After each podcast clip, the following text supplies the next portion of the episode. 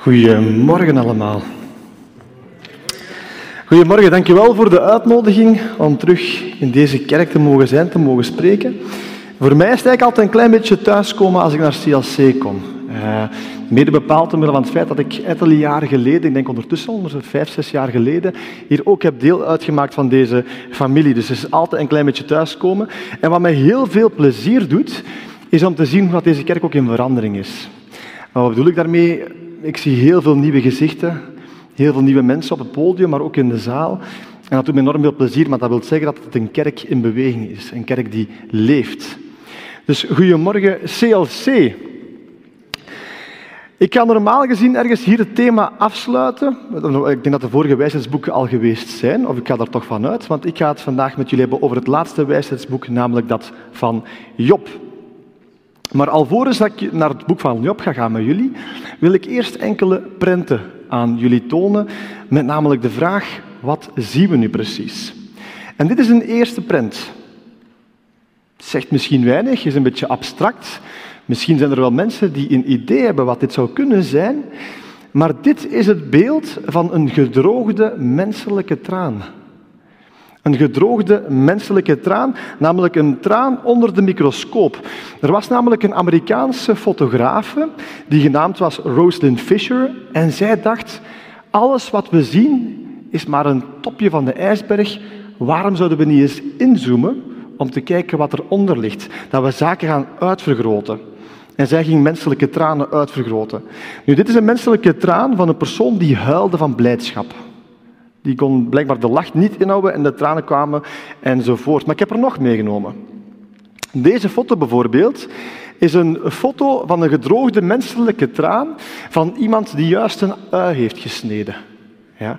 Nu, ik ga u nu alvast vertellen, mensen die tranen wenen, het, zal er niet altijd zo exact hetzelfde uitzien. Bij iedereen zal dat waarschijnlijk wel wat anders eruit zien, maar toch, het heeft wel iets kunstzinnigs. Dus deze persoon heeft net een ui gesneden. En tot slot is er nog een laatste menselijke traan. En dit is van een persoon die gebukt gaat onder een zwaar verdriet. Een persoon die door een rouwproces ging. Tranen omdat iemand dierbaar er niet meer was.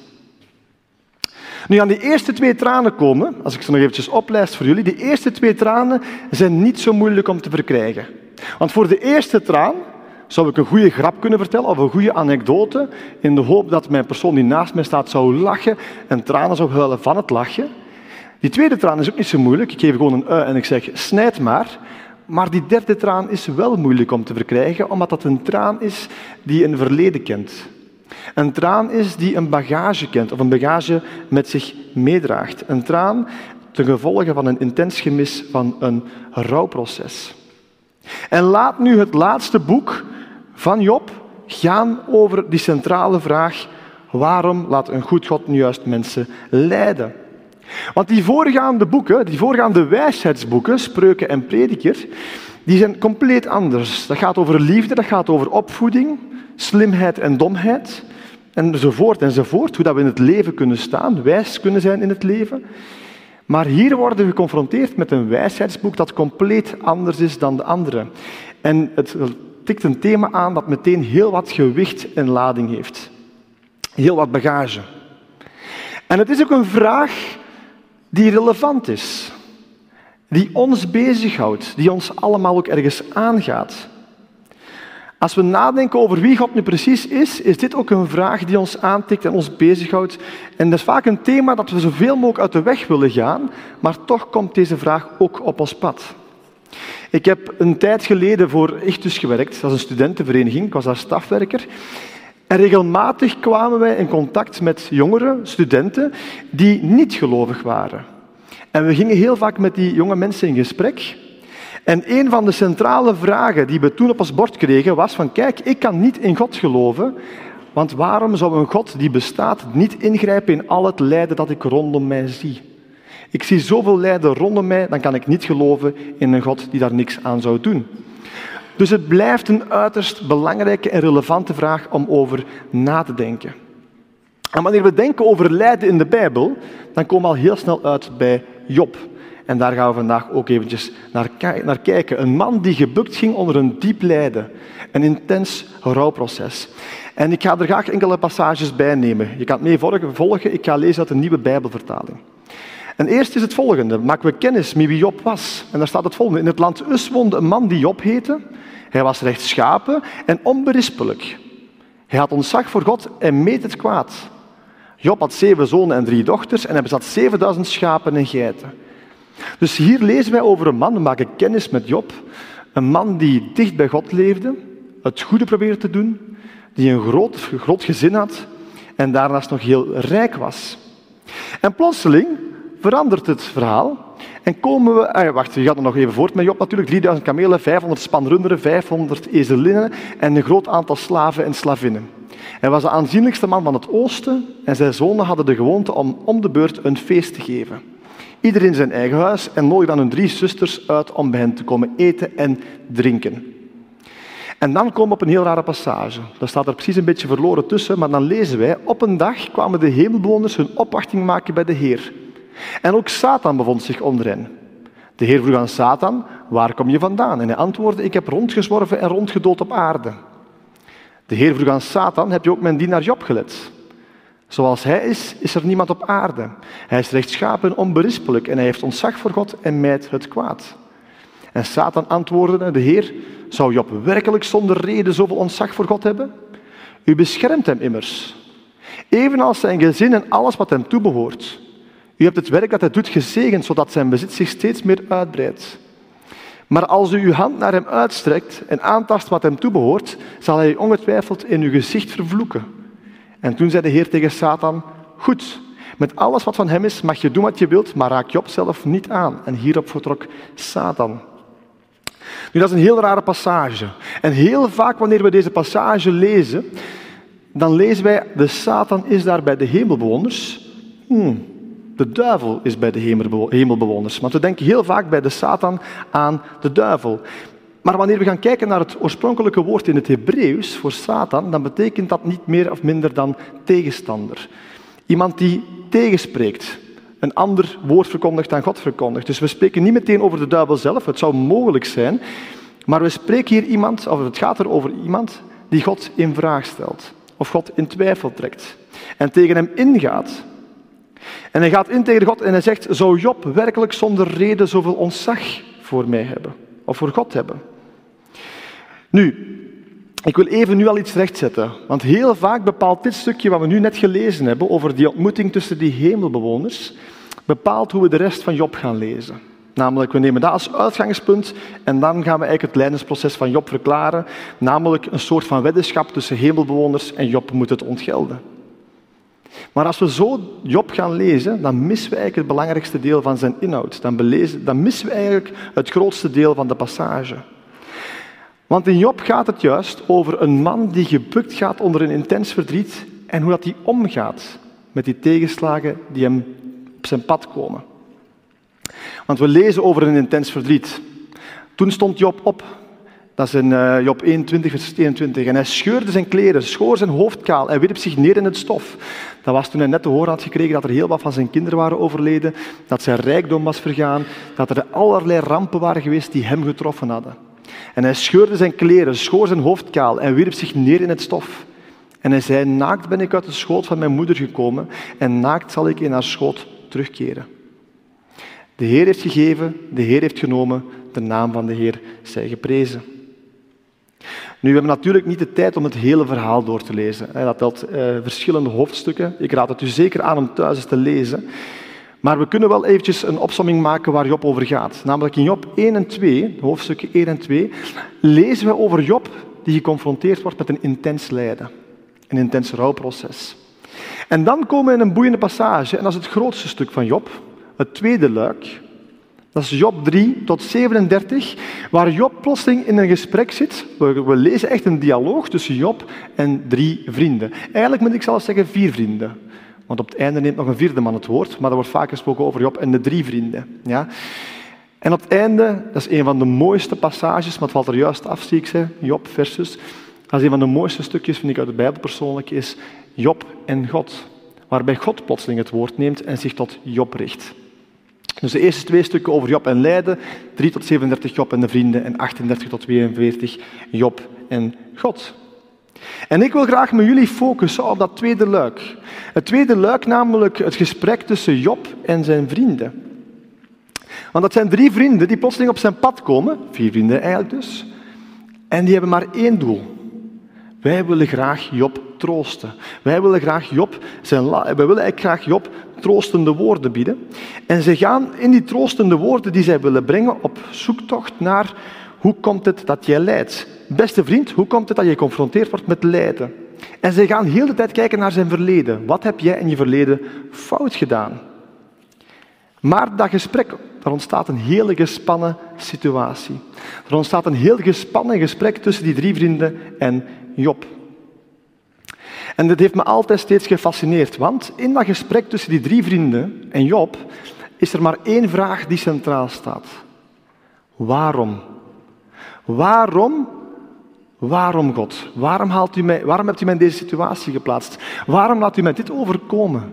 Waarom lijkt u zo afwezig? De vraag die centraal staat is, waarom laat deze goede God mij leiden? En die vrienden denken daar een antwoord op te weten en ze verwijzen heel tijd naar zijn verleden. Jij moet iets gedaan hebben, er moet uw ellende overkomen zijn. En wat zien we bij Job? Job verzet zich op alle mogelijke manieren tegen al de verwijten van zijn vrienden. Hij schreeuwt zijn onschuld uit. Zo lezen we in de volgende passage. Als jullie werkelijk jezelf zoveel beter wanen en mijn vernedering terecht vinden, weet dan dat God zich tegen mij gekeerd heeft en dat hij zijn netten om mij samentrekt. En ik schreeuw onrecht, niet correct, maar krijg geen antwoord. En ik roep om hulp, maar vind geen recht. Mijn weg verspert hij met een muur en de paden die ik ga, hult hij in duisternis. Waarom, God? Waarom laat u mij leiden? Waarom ik? En ook wij kunnen kennis nemen van diep lijden. Wij kunnen ook kennis nemen van wat lijden precies is. Ook wij kunnen geconfronteerd worden met lijden in de wereld. Uh, daar straks was ik nog op de weg hier naartoe aan het luisteren. Het is exact een jaar geleden dat de Taliban in Afghanistan de leiding heeft overgenomen. En wat lezen we nu, wat horen we nu? Berichten over diepe hongersnood. Mensen die hun kinderen moeten verkopen om aan eten te kunnen geraken. Dat is een diep intens lijden. Wij kunnen geconfronteerd worden met lijden in onze naaste omgeving, of wij kunnen ook geconfronteerd worden met lijden in ons persoonlijke leven. Zaken die ons overkomen, waarvan we denken, waarom God? Waarom moet ik hier doorgaan? Waarom lijkt u zo afzijdig in al het lijden dat mij overkomt? Dus waarom laat een goed God Job lijden? Waarom laat een goed God mensen lijden? En heel vaak wanneer we over die vraag nadenken, dan wordt er heel vaak verwezen naar het Oude Testament, helemaal naar het begin, naar Genesis, met de zondeval. En op zich is dat niet slecht om daar je zoektocht te starten. Op zich is het niet verkeerd om daar te gaan kijken, want wat zien we daar? We zien daar dat God een perfecte wereld heeft gemaakt en de mens plaatst in die perfecte wereld. Maar we zijn ook getuigen dat er fouten sluipen naar de keuze die de mens maakt. En zonde en lijden is daar een direct gevolg van. En dan kun je de vraag stellen, ja, God maakt de wereld en de mens doet het dan blijkbaar fout, waardoor er fouten komen in die wereld. Ja, wie is er dan de schuldige? Zou hetzelfde kunnen zijn dat we met onze gsm bijvoorbeeld naar de klantendienst gaan en zeggen van kijk, mijn gsm is kapot, dan kan je dezelfde vraag stellen, ja, wie is de schuldige, de maker van de gsm of de gebruiker van de gsm? En ook hier stellen wij die vraag, wie is de schuldige? Is de schuldige van het lijden de wereld de maker van de wereld of de gebruiker van de wereld? Namelijk wijzelf. God maakte een wereld zonder pijn, zonder lijden, zonder verdriet en dood. En in die wereld plaatst hij mensen die de mogelijkheid hebben om te kiezen. Te kiezen om in de wereld te leven zoals God het wil of zoals wij het willen. En de vraag die je dan kunt stellen is, ja, maar waarom geeft God de mens dan een keuzemogelijkheid? Waarom laat ze hun kiezen als hij toch weet dat ze het gaan verpesten? Wel, dan moet ik je het volgende zeggen. Keuze en liefde, eh, die gaan toch hand in hand?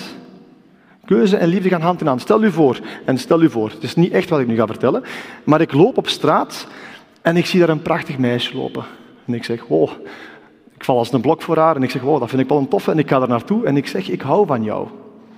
En op hetzelfde moment ga ik naar mijn achterzak, stel u voor, ik haal een pistool eruit, ik richt op haar hoofd en ik zeg, jij moet ook van mij houden. Dat is geen goede manier van liefhebben. Als ik dit meisje zie en ik zeg van, maar ik vind haar wel een mooi meisje en ik ga er naartoe, en ik zeg ik hou van jou, dan dien ik te wachten op haar reactie. Hou jij ook van mij? En dan kan maar drie mogelijkheden zijn: ja, nee, of we zullen wel zien. Dus dat is een goede manier van liefde. Liefde is een keuzemogelijkheid geven, dat de mens kan kiezen. Dat je kunt kiezen in een relatie ook. En we moeten er eerlijk in zijn dat we die keuzemogelijkheid door mensen fout is gebruikt, ook vandaag de dag. Waar we haten in plaats van lief hebben. Mensen pijn doen in plaats van ze te helpen. Maar dan kan je jezelf de vraag stellen, wat dan met al het lijden dat veroorzaakt wordt, bijvoorbeeld door natuurrampen. Daar kunnen we onszelf toch niet de schuld van geven. Wel, er zijn heel wat discussies tegenwoordig vandaag dag dat een deel van de rampen die we kennen toch gewijd kunnen zijn misschien aan de mens zelf. Bijvoorbeeld de opwarming van de aarde, dat we daar toch ergens een hand in hebben. Maar toch, we kunnen niet alles over diezelfde kam scheren. Wat kunnen we daar dan over leren of over vertellen? Wel, ik vermoed dat jullie allemaal thuis een computer of een laptop hebben. En je weet wanneer je surft op het wereldwijde web dat je toch voorzichtig moet zijn als je dingen aanklikt of openklikt. Ja? Want voor je het weet, klik je ergens op en trek je iets binnen op je computer dat je niet wilt. Dat je graag zoveel mogelijk wilt mijden. En zo is hetzelfde. We kunnen met, op de computer op één klik kunnen we iets binnentrekken dat heel onze computer eigenlijk beïnvloedt of aantast. Wel, wat als het met de zon hetzelfde was? Dat we door één klikmoment iets hebben binnengetrokken in de wereld dat daar niet had horen te zijn en alles eigenlijk infecteert, waaronder ook een diep lijden in de natuur enzovoort. En de gedachte die dan vaak bij mezelf opkomt, is: het hoort niet zo te zijn. Het had niet zo mogen zijn. En ik denk dat dat een juiste gedachte is. Een juiste gedachte. Een juiste gedachte van verdriet, eenzaamheid enzovoort had niet zo mogen zijn. Maar wat dan met Job? Job die gebukt gaat onder een diep en intens lijden. Als ik heel deze uitleg aan hem zou geven, wat ik nu net aan jullie heb gedaan, zou dat iets veranderen aan zijn situatie? Ik denk het niet. Job zou nog steeds gebukt gaan onder een diepe pijn, verdriet, eenzaamheid, in de steek gelaten door zijn vrienden enzovoort. Dus de uitleg die ik dan geef over de oorsprong van het lijden, waar het misschien vandaan zou komen, zijn niet de troostende woorden die Job zou kunnen horen. Meer nog, ik denk dat ik op die manier eerder ga lijken op die drie vrienden. Die een poging wagen om alles te achterhalen waar zijn lijden vandaan komt. Het zijn niet de troostende woorden die hij nodig heeft. Dus dan zou ik mij dezelfde vraag kunnen stellen. Ja, maar is het dan wat het is? Of is misschien God een sadist die er niks aan doet die alles laat, die de mensen gewoon laat lijden. Wel, wat als ik jullie vertel dat God al actie ondernomen heeft? Wat als ik jullie vertel dat God zelf zichzelf in de geschiedenis geschreven heeft? Dat God die groot was, klein werd. Dat God die in al zijn rijkdom leefde, met ons in armoede kwam leven. Dat God die God was, mens werd en onder ons leefde, in de gebroken wereld. Een wereld vol met lijden. Wat als God mens werd in Jezus en naast ons leefde? En Jezus die kwam en die was vertrouwd met lijden. Heel veel lijden zelfs. Hij keek niet van buitenaf naar het lijden, maar hij werd zelf geconfronteerd met lijden. Kijk naar al de mensen die op zijn pad kwamen. Hij kwam met heel veel mensen op zijn pad die te kampen hadden met ziekte, die bezeten waren, die door een geest waren overmand, die door mentaal en geestelijk lijden gingen. En die kwamen allemaal met dezelfde vraag bij hem. Kan je ons genezen? Kan je ons herstellen? Terugmaken zoals wij horen te zijn. Maar we zien dat hij ook zelf door een intens lijden gaat. Een fysiek lijden, een mentaal lijden. Hij onderging een mentale hel. Hij onderging bespuwingen, marteling en uiteindelijk stierf hij aan een houten kruis. En dan spreekt hij woorden uit van eenzaamheid. Mijn God, mijn God, waarom hebt u mij verlaten? Lieve mensen, als God niet bekommerd was om het lijden in deze wereld, dan bleef die waar die was. Maar dat zien we niet gebeuren. We zien juist dat hij zich schreef in het verhaal. God bleef niet waar hij was, maar hij kwam naar de aarde om iets te veranderen aan de situatie waarin wij leven momenteel. Hij is vertrouwd met lijden. En weet je, hij kwam niet naar de aarde waar hij alle mensen tegen de muur ziet lopen en hij loopt zelf tegen de muur en zegt van, ah, nu weet ik zelf ook hoe het voelt om tegen de muur te lopen. Het doet heel veel pijn. Nee, hij doet het niet. Hij gaat zelfs een stap verder. Hij heeft de pijn, de eenzaamheid, het verdriet, het lijden gedragen om ons een uitkomst te bieden. Een uitkomst te bieden uit de gebroken wereld waarin wij vandaag leven. Een toekomst met een leven voor de eeuwigheid. Waarbij dood juist niet het einde betekent, maar juist het verder zetten van een leven met Hem. God stierf voor ons opdat wij zouden kunnen leven. Nu, dit is een schilderij dat ik hier wil laten zien. Een schilderij van Sarah Seymour. En dat zegt u misschien niks, die persoon. Maar ik vind die artiesten, wat zij tekende, vond ik zeer confronterend. Uh, de naam van het schilderij is God Dying for Us All. En wat heeft zij gedaan? Zij schildert eigenlijk op de plaats waar Jezus hing alledaagse mensen. Mensen uit het hier en nu. En ik vond het zelf behoorlijk confronterend en chockerend, want ze, tekende, ze schilderde iedereen.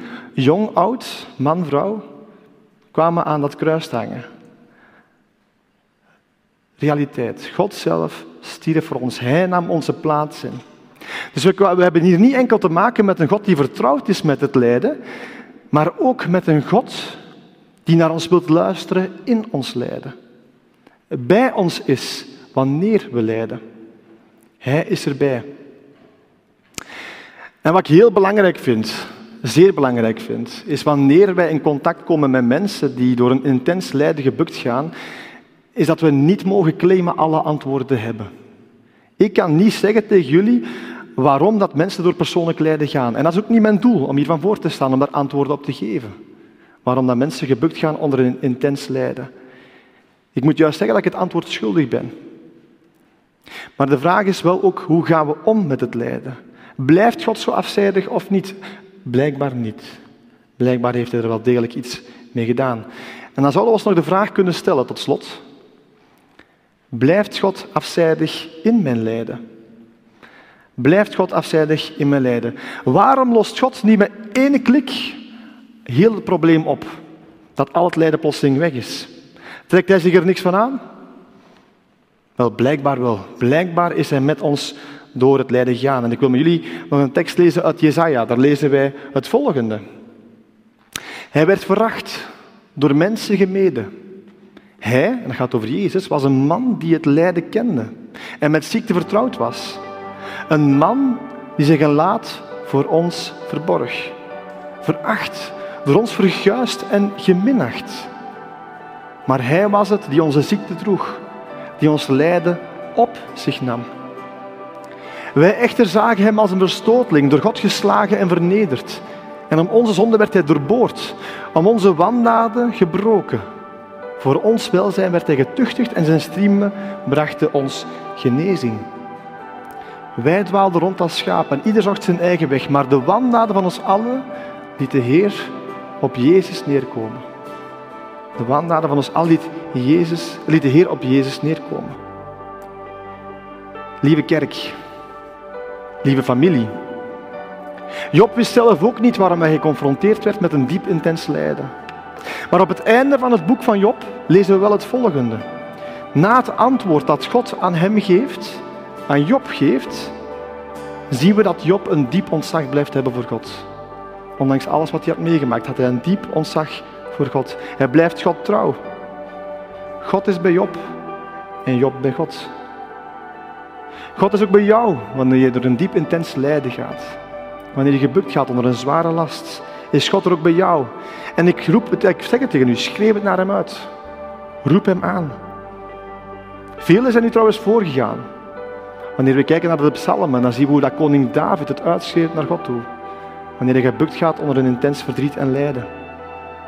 Er is niks mis mee om de vraag waarom te stellen. Waarom overkomt mij dit nu?